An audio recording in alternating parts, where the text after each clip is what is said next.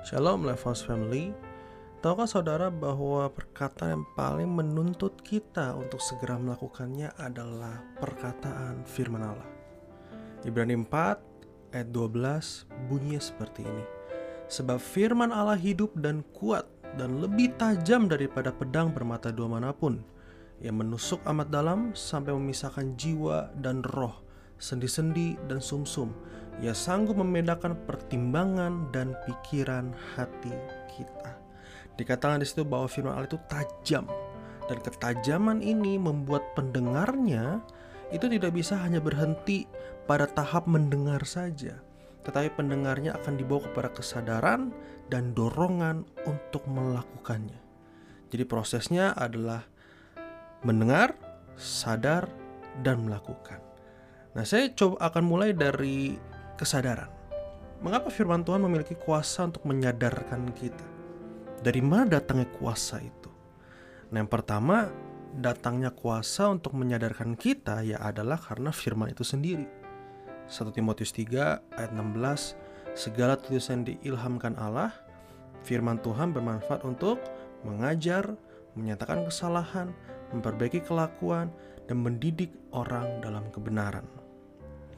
Jadi jelas sekali firman Tuhan itu berkuasa menyadarkan kita. Yang kedua, mengapa firman Tuhan mampu menyadarkan kita? Sebab di dalam diri kita itu ada Roh Kudus, Bapak Ibu, yang mampu memimpin kita kepada segala kebenaran. Roh Kudus itu menyelidiki menyelidiki hati kita tuh sampai kedalaman. So yes pasti ketemu sekali jika kita memiliki kesalahan. Jika kita memiliki sesuatu yang mungkin Tuhan tidak sukai, kita akan notice di situ, kita akan sadar di situ. Setelah kita mendengar firman, setelah kita sadar, nah yang ketiga, melakukan. Nah, ini emang mungkin agak sulit untuk dikerjakan, tetapi masalahnya firman Tuhan itu selalu memberi dorongan untuk kita melakukan. Firman Tuhan itu tidak hanya menyadarkan pendengarnya, tapi juga menuntut pendengarnya untuk melakukan ada dorongan di mana kita para pendengarnya harus melakukan firman itu. Kalau pendengarnya tidak melakukan atau kita tidak melakukan apa yang sudah kita dengar, apalagi yang sudah kita sadari, maka sejatinya kita tuh sedang menolak firman Tuhan.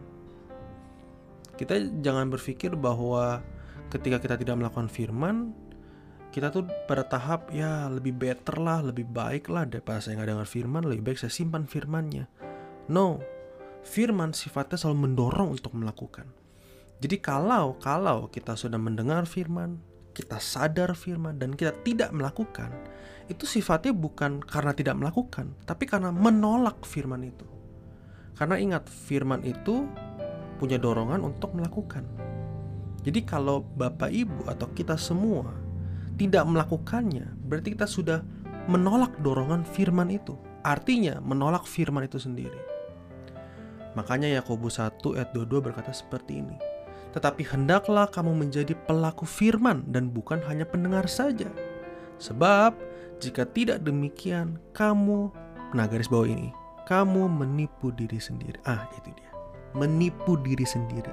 Kenapa dibilang menipu diri sendiri? Karena waktu dengar firman, firman itu punya dorongan untuk melakukan. Kalau kita tidak melakukan, nah, kita sedang menipu diri sendiri, kita sedang menolak firman. Itu dia. Kita sedang menolak apa yang Allah sampaikan. Oleh karena itu, saudara-saudara yang terkasih, janganlah kita menjadi penipu, tetapi pelaku firman.